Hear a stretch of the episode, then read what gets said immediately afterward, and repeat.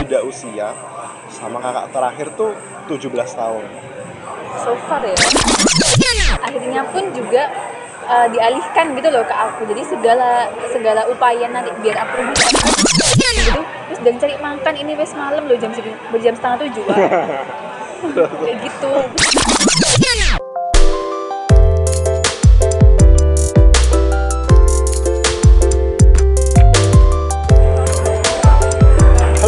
balik lagi di podcast eskalasi yang masih belum ada penyebutannya eskalator atau bukan.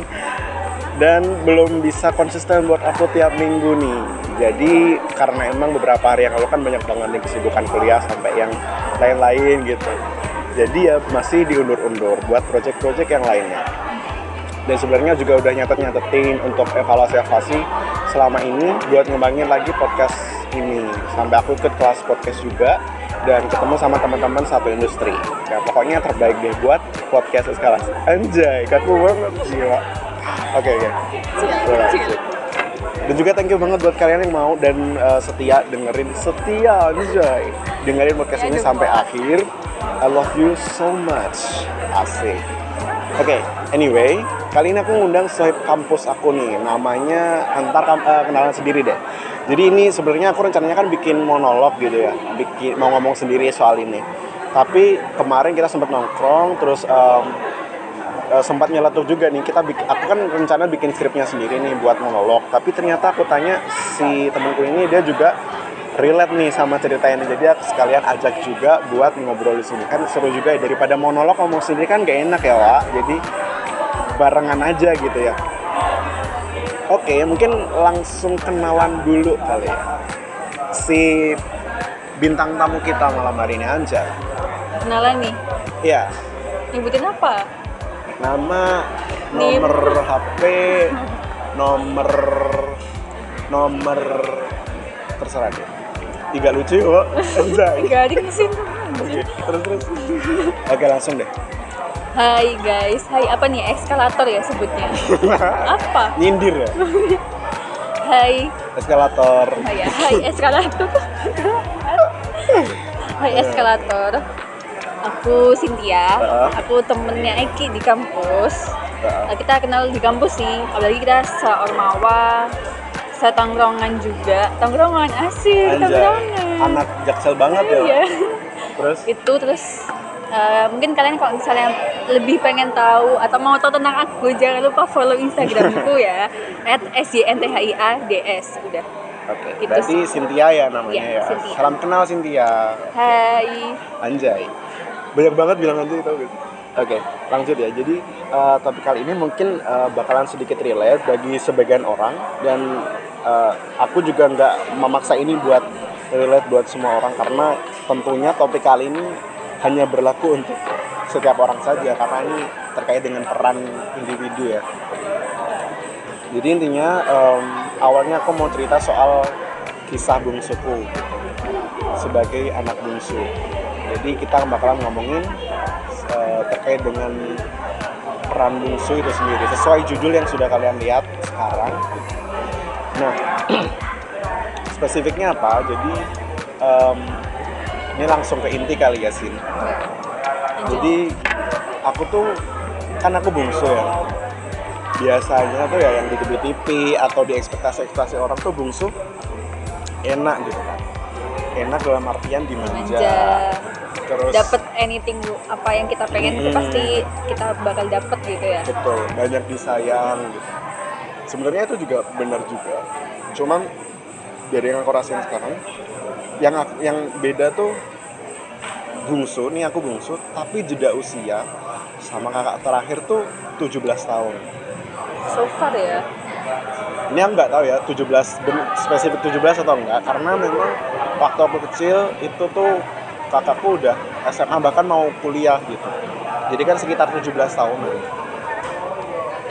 terus ya ya itu dan aku yang yang aku rasain soal jadi bungsu ini dengan rentan usia yang seperti itu kayak kita ngerasa jadi anak tunggal gitu. Uh, jadi bungsu iya tapi juga jadi anak tunggal juga rasanya karena kita nggak ngerasa punya kakak bukan kita udah nggak ada. Nah, maksudnya udah nggak sama satu rumah gitu betul. Ya? aku ngerasanya kayak tumbuh sendiri tumbuh dan berkembang sendiri kayak nggak ada kakak yang ngejailin atau biasanya kan di ekspektasi di, di TV-TV itu biasanya kan kakaknya ngejailin atau gimana jadi hubungan keeratannya tuh ada dan dapat gitu. Ya bukan berarti aku menjudge hubungan keluargaku tidak uh, tidak rekat ya. Ya ya beda aja gitu suasananya. Kadang juga iri iri juga sama yang lainnya yang yang usia terpaut usianya tuh nggak jauh-jauh banget. Jadi kayak ada teman aja di rumah kalau liburan kalau lagi ngapain holiday gitu ada ini ada temennya gitu. Obrolannya pun juga tidak ada kesenjangan jadi kita Masih relate gitu ya? eh, kita SD mungkin masih ngomongin temenku ini nih nakal gitu ya misal nyuri pulpenku atau nyari pulpenku nah dia ngomonginnya udah ngomongin bisnis sudah ngomongin nikah kan jadi gak gak nggak relate lah gak sama relate kita gitu. gitu jokesnya juga beda nggak nyampe ya nggak nggak sih? nyampe Nah. nggak nyampe. bercanda ini dia nggak ketawa terus eh, kakak-kakak bercanda ini kita juga nggak ketawa jadi yang ngerasa aneh aja gitu nah ini Cynthia kan kemarin juga cerita ya ada eh, tepat usia juga nih Nah, berapa sih Kalau aku sama kakakku 8 tahun sih, kak aku 92, aku 2000. Ya jauh juga sih menurutku. Jadi 8 pas tahun. aku udah apa namanya udah ngerti lah gitu pas aku udah ngerti tentang keberadaan kakak tuh kakakku juga pas udah gede gitu jadi mungkin uh, apa namanya gap antara kita itu juga apa ya kerasa lah kerasa apa apa yang different between us gitu aja sih sama sih mungkin cuma mungkin lebih uh, jauh di kamu jadi gap yang kerasa tuh lebih jauh juga agak Ya. jauh juga lah mungkin tapi masih erat ya sih menurutmu enggak sih Eh, enggak enggak enggak seerat yang kayak orang-orang lain yang lebih punya gap itu tuh lebih singkat kayak gitu atau tiga tahun dua tahun gitu Iya. ya belum aku pada sekarang pun kan kakakku udah berkeluarga sih jadi Ah. uh, apa makin kerasa juga gapnya apalagi kan punya dua kakak gitu kan ibaratnya kerasa. Jadi kayak uh, dia ya juga semakin sibuk dengan dua kakak apa satu kakak? Satu kakak. Oh. aku punya satu kakak. Cuma oh kan jadi satunya kakak ipar ya Pak? maksudku satunya kakak ipar. Jadi kan mereka udah sibuk dengan keluarganya masing-masing ya. Jadi kayak apa ya? Ya kerasa sih apa gapnya tuh kerasa. Kadang tuh Terus yang tak rasain kalau punya kakak ipar gitu ya. Ini kan kakakku ada tiga nih cewek cowok cewek. Rame ya Wak? Parah banget gitu. Apalagi anaknya udah punya dua anak semua nih. Yang paling gede sekarang SMA jadi kan sepantaran hampir sepantaran Iya. remaja-remajanya. Terus jadi ya kadang tuh kan mereka juga ngurusin anaknya sendiri. Jadi kayak ada beban untuk tidak pengen merepotkan kakak gitu. Eh, nggak jadi mau apa-apa tuh suka apalagi kalau kakak kita itu cewek. Dia kan berarti ngikut suaminya terkait eh, apa namanya biaya dan lain-lain, keuangan dan lain-lain. Kadang kalau apa-apa tuh ya sungkan aja gitu sama suaminya atau istrinya gitu. Kadang nggak enak aja. Kan udah ini kan kalau nikah kan berarti udah punya bangun keluarga sendiri gitu. ya kamu ini tiga-tiganya cewek semua Cewek, cowok, cewek. Cewek, cewek, cewek. Jadi keluarga lu cewek, cowok, cewek, aku. Jadi cewek, cowok, cewek, cowok. kalau yang ke cowok kamu gimana rada ini sih rada renggang karena apa ya beda aja gitu karakternya. Kakakku yang cowok lebih keras kalau aku lebih lebih kalem. Anjay, pede banget. kamu ngeklaim diri sih Iya, aku dengan berani ngakuin diriku lebih kalem. Kalau dibandingin sama kakak-kakakku. Tapi kalau sama orang-orang mungkin aku binal ya. Jarang? Oke, jadi gitu ya. Terus menurutmu bungsu-bungsu yang kayak kita nih, yang dengan terpaut usia yang cukup jauh, itu maksudnya dengan dengan perbedaan usia itu, apakah itu adalah faktor yang sangat mempengaruhi keter apa namanya keterikatan antara keduanya atau memang bisa aja sih, gitu. atau ada pikiran itu tadi bisa aja kalau dengan usia yang jauh tapi masih bisa rakyat. menurutku bisa aja dengan usia yang jauh itu masih tetap bisa deket soalnya aku sendiri punya temen eh, hampir sama sih dia 7 tahun kakaknya daripada aku ke kakakku tetap deket-deket aja mereka. Maksudnya aku tuh tadi juga ngiri gitu kayak ke di, si temenku ini. Kayak ya kan nggak jauh beda lah apa yang dialamin sama aku. Dan kakaknya pun juga cowok gitu. Si kakaknya pun juga udah menikah dan tetap apa ya care banget gitu sih sama si aku aku bukannya bilang juga kalau kakakku nggak care ya enggak gitu. maksudnya apa ya gap yang membedakan kita di usia yang terpaut jauh itu tuh nggak nggak maksudnya tuh nggak apa namanya apa ya nggak menghalangi si temanku ini tetap deket sama si kakaknya itu sih menurutku depends on uh, orang-orangnya juga sih Oh, kayak situasi di situasi. circle-nya itu ah. keluarganya support juga mungkin kan orang tua kita kan pasti juga berusaha untuk pasti mendekatkan kita kan Hmm. tapi kan ya mungkin ber- berbagai faktor lah yang mempengaruhi hal itu. Mungkin jadi kita juga kayak kegapan gimana gitu sih. Kalau menurutmu? Menurutku ya benar juga. Ada ada ada faktor pengaruh dari luar yang yang bisa mempengaruhi tetap ada keterikatan antara satu sama yang lain. Kayak kalaupun aku dengan terpaut usia 17 tahun pun kalau eh, karena dulu tuh sempat ada masalah juga di keluarga sebenarnya jadi yang nggak perlu aku ceritakan jadi ya ada ada itu mempengaruhi lah. Mempengaruhi. Berdampak gitu ya ya seperti yang kita kondisi. kita kan mahasiswa keperawatan. Ya. Heeh. kan tahu juga ya udah nerima uh, apa namanya keperawatan keluarga banyak nggak tahu. Hal-hal yang gitu bisa mempengaruhi kedekatan dan juga hubungan juga. Tapi sekarang sih semuanya sudah baik-baik aja tapi masih ada pengaruhnya gitu. Meskipun itu nggak sebesar sebelumnya gitu mungkin ya. Kalau Sinda sendiri jadi jadi bungsu merasa dikekang nggak Iya, kayak lebih uh, suka duganya mungkin ya kalau di bungsu kan pasti punya uh, enggak sih, maksudnya kayak setiap peran anak kan pasti punya suka duga masing-masing. Eh, Nah kalau dari tentang tentang pengekangan, iya sih aku ngerasain itu banget sih. Pada sekarang pun bahkan aku yang udah segede gini nih, Oh. aku masih ngalamin itu gitu. Kayak eh, apa ya keluar gitu kan? Kan aku kan eh, dari kecil itu kan pengen kuliah itu nggak di kan aku asli Malang nih buat yang eskalator yang belum tahu tadi aku lupa mau nyebutin kalau aku asli Malang gitu. Malah, bukan Lumajang Malang coy. Oh. Malang. Baru tahu pak. Anjay. Terus terus. Ya aku asli Malang.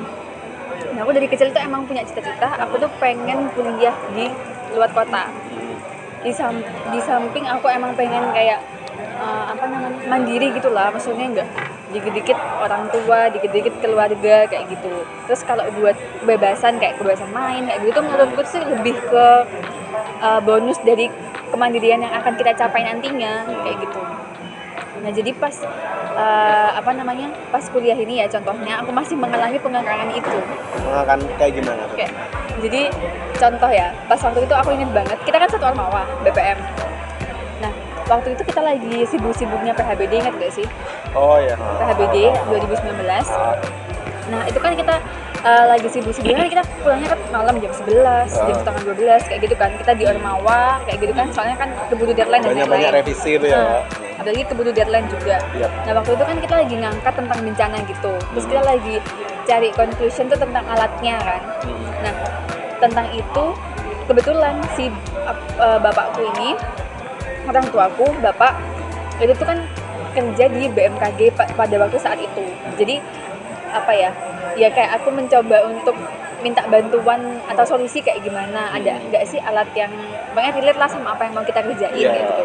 Nah kebetulan waktu itu emang ada yang relate. Jadi pas waktu itu aku telepon kan malam-malam kita revisian Ya. telepon ini apa apa aku nanya gimana gimana gimana? Terus akhirnya aku sambungin ke Kak Aris. Kak Aris kan waktu itu ketuanya kita sih nggak Iya. ketua sih maksudnya kayak yang berperan besar lah Iya, waktu betul, saat itu. Kak Aris jelasin deh ke bapakku. Itu aku inget banget itu tuh masih jam oh sempat teleponan waktu itu? Iya sempat teleponan buat ngomongin alat itu. Terus niat ya pak Mas Haris? Emang gitu kan guys sih Terus, terus. kan aku inget banget itu tuh kita masih jam sembilanan. Jam sembilan jadi uh, it mean kan nggak kayak maksudnya nggak yang malam banget gitu loh. Dan itu emang kita lagi ber- lagi berkesibukan kan. Jadi jam sembilanan kan telepon. Nah setelah Kak Aris telepon singkat cerita pokoknya setelah Kak Aris telepon kan dikembaliin lagi nih ke aku. Aku tuh ditanya gitu kayak ini udah jam segini kok belum pulang masih ngapain? Nah, padahal lu sebelumnya kan udah ngomongin sama Kak Aris kan otomatis kayak ya kita melakukan something yang nggak macam-macam lah. Kita ngerjain sesuatu ngerjain tugas itulah intinya kayak gitu. Tapi aku tuh udah pulang udah jam segini gini gini gini gini kayak gitu ini sih kayak ini tuh aku tuh juga nggak ngapa-ngapain gitu loh. Masih kayak malah eh, apa ya ya kayak disuruh pulang gitu cepet kayak gitu. Iya. padahal kan kita juga masih punya tanggung jawab di situ dan belum selesai kayak Iya. gitu terus juga eh, apa namanya kalau aku tuh biasanya kan di telepon tuh pas habis maghrib Ya. setengah tujuan gitu ya Telepon rutin Eh. orang tua. Heeh.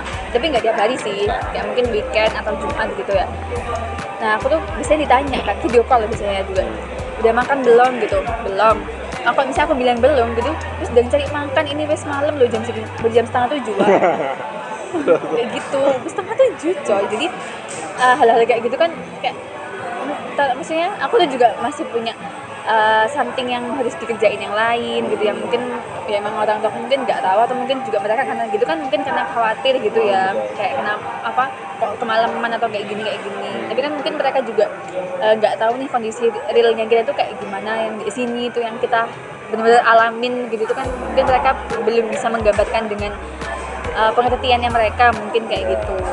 Gitu sih. Jadi itu yang bikin uh, aku juga kadang merasa kayak aku ini udah gede gitu kamu masih digituin. Saya aku aku bisa gitu apa uh, nganuin aku sendiri lah. Apa sih nganuin? Kayak Membuktikan. uh, enggak enggak. Kayak menjaga Menjaga diri gitu. sendiri. Uh, kayak gitu. Space gitu. Sama sih aku juga kamu juga gitu? ada ada ada ucap mungkin enggak tapi enggak enggak yang se serumit dan seketat yang kamu ceritakan ya. Karena mungkin karena pak kamu cewek. Iya, terus juga emang orang tua aku tuh emang kayak over protective gitu sih Oh, tadi ada over dari itu faktor itu oh, juga. gitu. Kalau aku sebenarnya juga disuruh pulang-pulang gitu.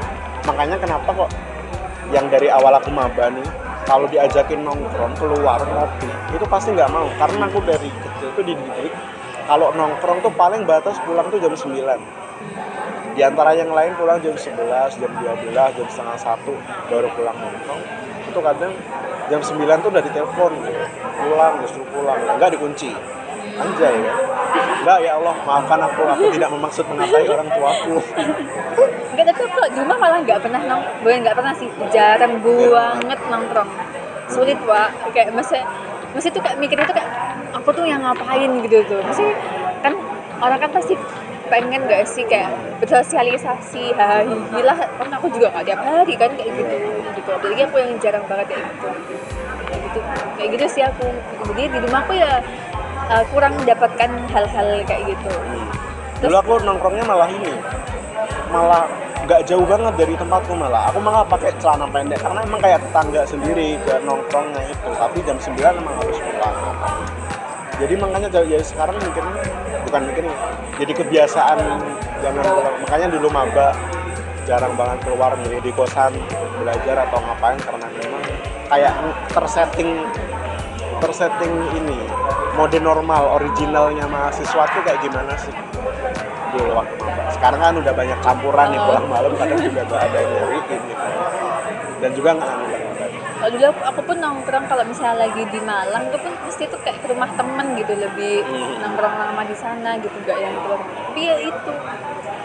Ya itu sih. Nah aku juga nggak nggak malam-malam. Mungkin jam 8 tuh kayaknya aku udah balik gitu. Anjir. Cupu banget padahal kakakku sendiri dulu tuh dia tuh nggak kayak gitu. Dia ya mungkin karena cowok juga sih ya. Oh, iya. lebih gimana gitu kadang juga ngerasa kayak kayaknya emang natural ya bungsu kayak gitu ya. Dia sih mungkin ya. Natural bungsu. Fase kali ya Wak. Tapi pernah nggak sih Sin, kamu jadi bungsu gitu?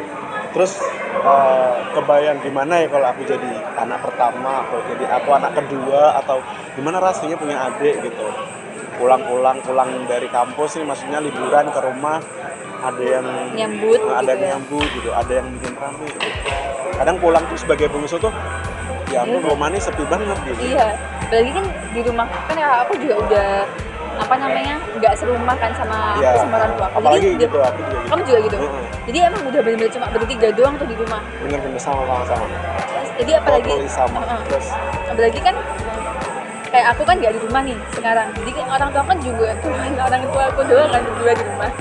Apa nggak makin sepi gitu. Jadi kayak kalau pas bilang tuh biasanya kalau misalnya di sini kan rame tuh ada anak-anak ngapain gitu ya. Kalau pas di rumah tuh udah kayak ya udah it, itu apa apa ketemunya ya orang tuaku. Misalnya ya nggak same sebelum sebelumnya gitu meskipun ada kakakku atau pokoknya nggak same vibesnya tuh beda gitu sih. Cuma aku ya pernah sih bayangin kayak aku jadi anak pertama sih aku lebih sering bayangin. Soalnya kan aku juga apa ya kamu sendiri pernah nggak sih kayak ngerasa ini sebelum aku cerita tentang tadi ya kayak apa yang diharapin orang tuamu waktu apa namanya ke kakak-kakakmu sebelumnya misalnya ada yang belum tercapai atau masih kurang tercapai gitu itu kayak dianuin ke kamu jadi apa ya bukan dibebankan sih kayak dialihkan ke kamu gitu merasa sih. merasa kayak yang ini pun pilihan perawat ini itu juga kayak gitu. Kakakku kan dia yang pertama dia kerja di jadi pokoknya jurusan farmasi nih. Sekarang jadi apoteker di rumah sakit. Terus yang kedua dulu tuh di sekolahin hukum. Di sama sama kayak jurusannya ayahku sendiri. Terus tapi dia istilahnya kayak nggak niat buat kuliah. Jadi sekarang fokus kayak bisnis. Kayak ternak gitu loh. Terus kalau kakakku yang ketiga dia sarjana teknik tapi sama ayahku disuruh nyalon lurah waktu itu. Jadi saya seolah-olah menunjuk Nah, apa kayak bijak keputusannya orang tua semua gitu. Pun juga aku. Tapi kalau aku aku baru nyadar beberapa beberapa waktu beberapa bulan yang lalu kayak. Kenapa aku dari S bukan dari S dari MTS itu sudah kayak digemakan. Nanti kalau kuliah ke kesehatan ya ke keperawatan ya gitu. Dari MTS itu jadi gemakin gitu sampai SMA jadi aku kayak ngerasa nih 50-50 nih keputusanku jadi perawat jadi keputusan jadi masuk universitas yang masuk fakultas keperawatan tuh kayak 50-50 karena sebagiannya adalah keputusan dari orang tuaku. Mungkin jadi aku rasionalnya mungkin untuk ini ya jadi harapannya sebagai anak terakhir atau bungsu nanti di usia senjanya ada yang rawat gitu. Jadi aku dapat rasionalnya waktu ayah kemarin masuk rumah sakit. Jadi oh jadi mungkin ini ya maksudnya orang perannya tuaku tuh kamu. untuk perannya kamu gitu biar biar nanti kalau ayah karena kan aku bungsu 17 tahun nih. Artinya kalau aku gede ayahku us di pas di usia senja. Aku udah nggak dapet masa-masa emasnya ayahku lagi. Gitu. jadi nanti harapannya anak bungsu itu yang ngerawat ayahku atau ibu. Jadi mungkin aku dapat rasionalnya itu dan jadi penguat untuk lebih bersyukur aja karena pemahaman rasional itu. Itu sih Iya sih mungkin apa namanya kamu juga relate juga ya sama uh, what happened on you kayak gitu ya. Kalau misalnya aku tuh lebih uh, orang tuaku, khususnya mamaku ya, dia tuh uh, beliau tuh kayak lebih pengen apa namanya ada anaknya yang masuk ke kesehatan, terutama FK gitu. oh iya Uh, maksa banget ya enggak uh, istilahnya sih enggak maksa kali uh, harapannya gitu. dan itu dengan up- segala upayanya gitu ya aku akuin uh, enggak aku aku jadi misalnya emang kayak si kakak aku ini. Itu kayak lebih apa ya dia tuh tuh udah kayak udah cerdas gitu loh orangnya. Kalau misalnya aku tuh beda sama dia. Jadi aku tuh harus belajar dulu harus baca dulu. Ini aku harus belajar baru aku tuh bisa melakukan sesuatu kayak ngerjain soal apa apa itu aku harus ba- banyak baca dulu gitu loh.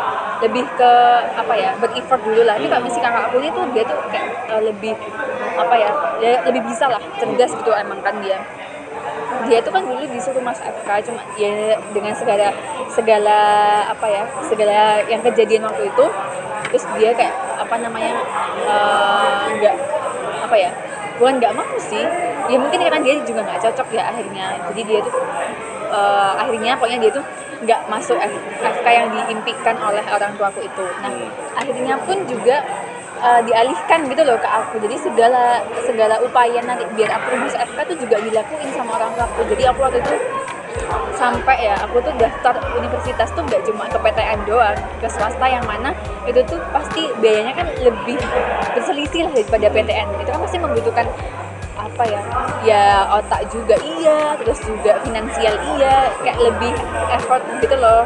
Dan itu waktu itu saat itu juga bikin aku tuh sampai aku tuh udah ditolak gitu maksudnya aku harus gimana lagi gitu. Jadi aku tuh biasa aku manut manut manut dulu kayak gitu aja waktu itu.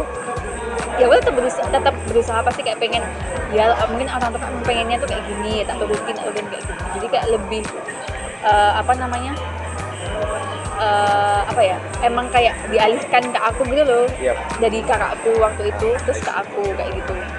Terus aku juga pas waktu pusing-pusingnya itu aku sempet kayak gini loh kayak merasa kenapa kok aku nggak duluan sih jadi anak pertama? Kayak tadi yang kamu tanyain sebelumnya kenapa sih aku nggak jadi anak pertama aja? Jadi kan aku bisa milih apa yang aku mau. Toh waktu itu kakakku apa namanya eh, dia milih fakultas yang dia mau dan dia di- apa dengan jalur yang mudah gitu loh kayak gitu. Terus aku sampai mikirin aku sih kok nggak aku maksudnya nggak aku yang pertama aja gitu? Kenapa kok nggak emas aja yang yang apa Jadi namanya? Adik.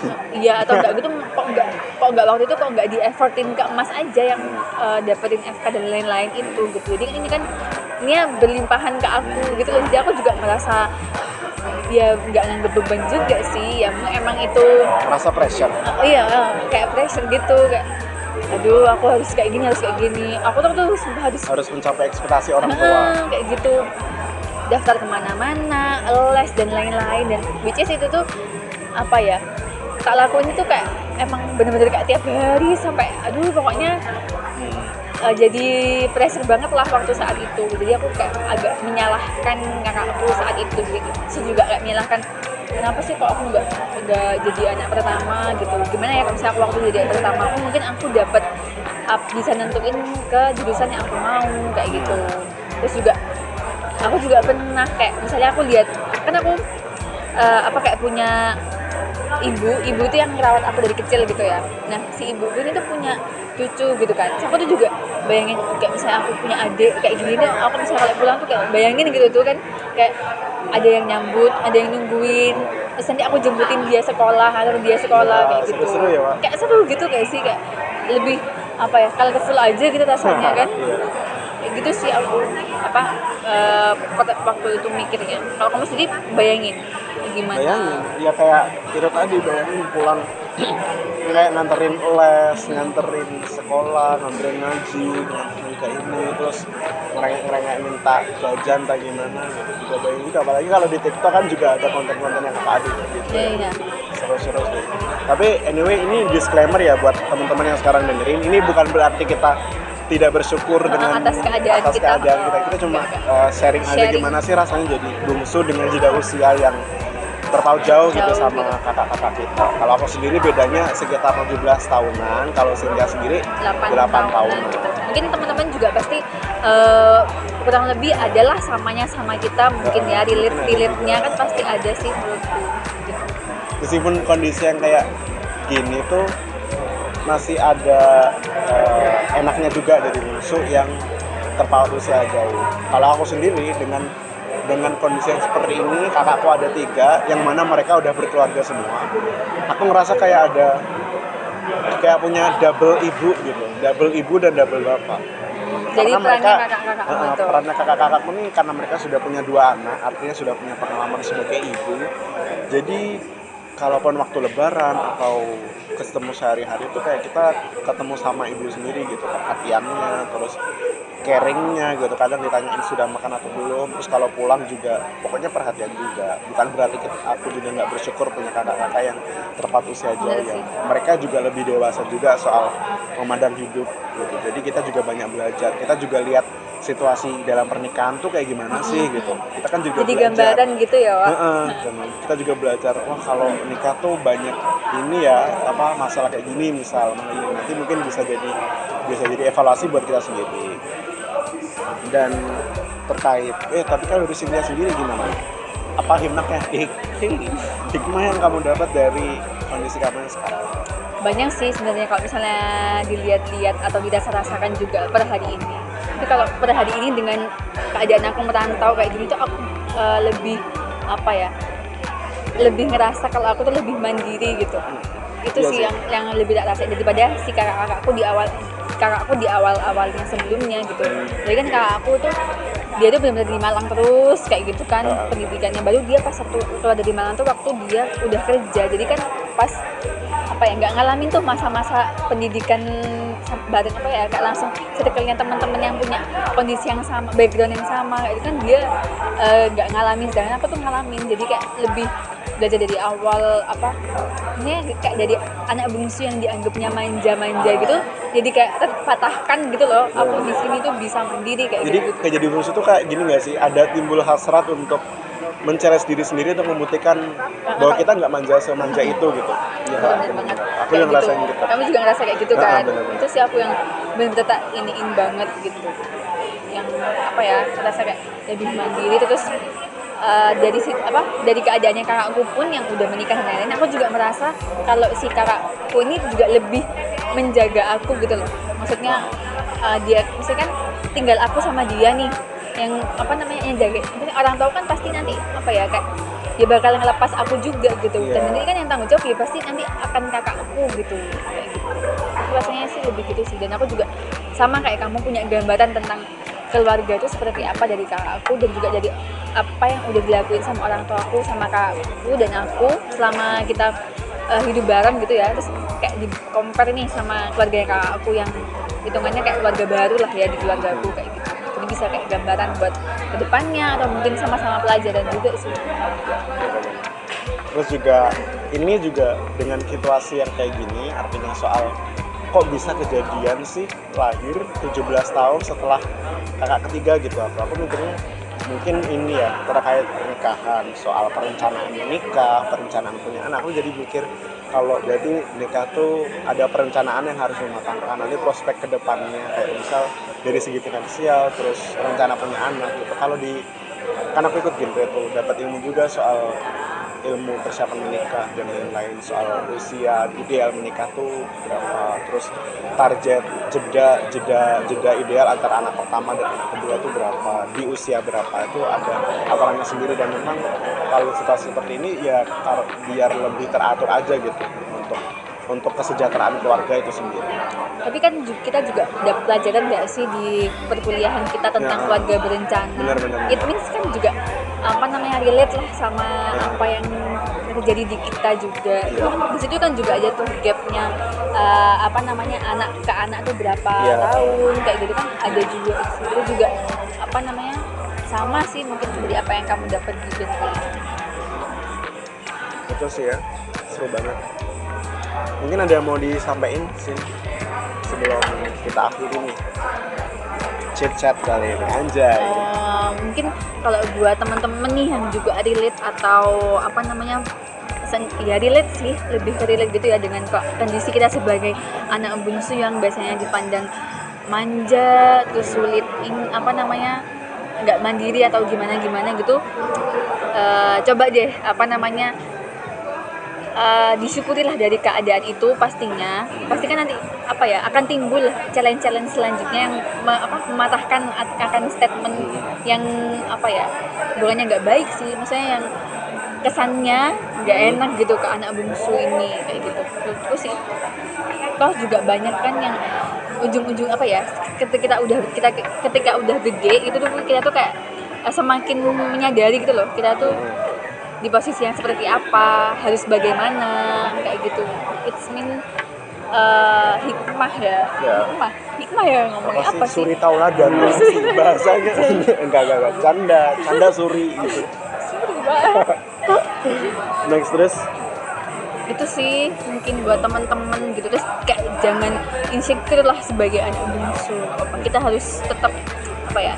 Ya eh, bungsu tunggal ataupun tengah tuh punya perannya masing-masing kok di setiap fase kehidupannya kita. Toh juga eh, kita pasti ngalami fase-fase yang kurang lebih itu sama dewasa dan lain-lain proses menuju apa menuju ini berpendidikan dan lain-lain. Itu pasti punya eh, poin atau pesan-pesan tersendiri lah buat kita sendiri gitu. Benar-benar setuju banget. Kita itu sih ini nggak kerasa udah setengah jam ya kita berbincang Lama ya, lama nggak kerasa ya kan masih lima menit ya Wak? Iya. anjay. Kayak barusan aja kayaknya Oke, tadi baru assalamualaikum opening. gitu baru ini kok udah tadi kayaknya nggak salam deh. Nggak salah nggak salah langsung hello guys tadi oke. Mungkin itu dulu ya teman-teman. Lagi ini catatan bukan berarti kita nggak bersyukur dengan kondisi sekarang. betul itu tadi ya. Karena kita cuma pengen cerita aja sharing dengan tentang usia jadi bungsu ini mungkin itu dulu ya Eh, sampai jumpa di podcast eskalasi episode selanjutnya yang anjay yang masih memikirkan sebutan apa yang tepat untuk pendengarnya gitu eskalator gak sih guys Eskalata, kalian mau disebut sebagai benda mati? Nggak ada yang hidup ya bergerak. itu itu bergerak apalagi ada orangnya kan dia langsung Iya. gerak gitu aja Mungkin itu dulu guys. Hmm, thank you so much sudah dengerin sampai di detik yang sekarang ini. Eh, kalau kalian ada masukan, saran mungkin bisa langsung ke DM aku rizkyls underscore atau email yang kalau mau panjang banget di rizkylukman4@gmail.com terus udah itu aja sih. Follow Instagramku ya guys, jangan lupa @sjnthiads. Oke. oke. Nanti aku taruh juga di judulnya ya. Di ya, Iya. di kom di, di istilahnya captionnya. Nanti aku tulis. Dan itu dulu terima kasih sampai jumpa di podcast episode selanjutnya. Saling mengeskalasi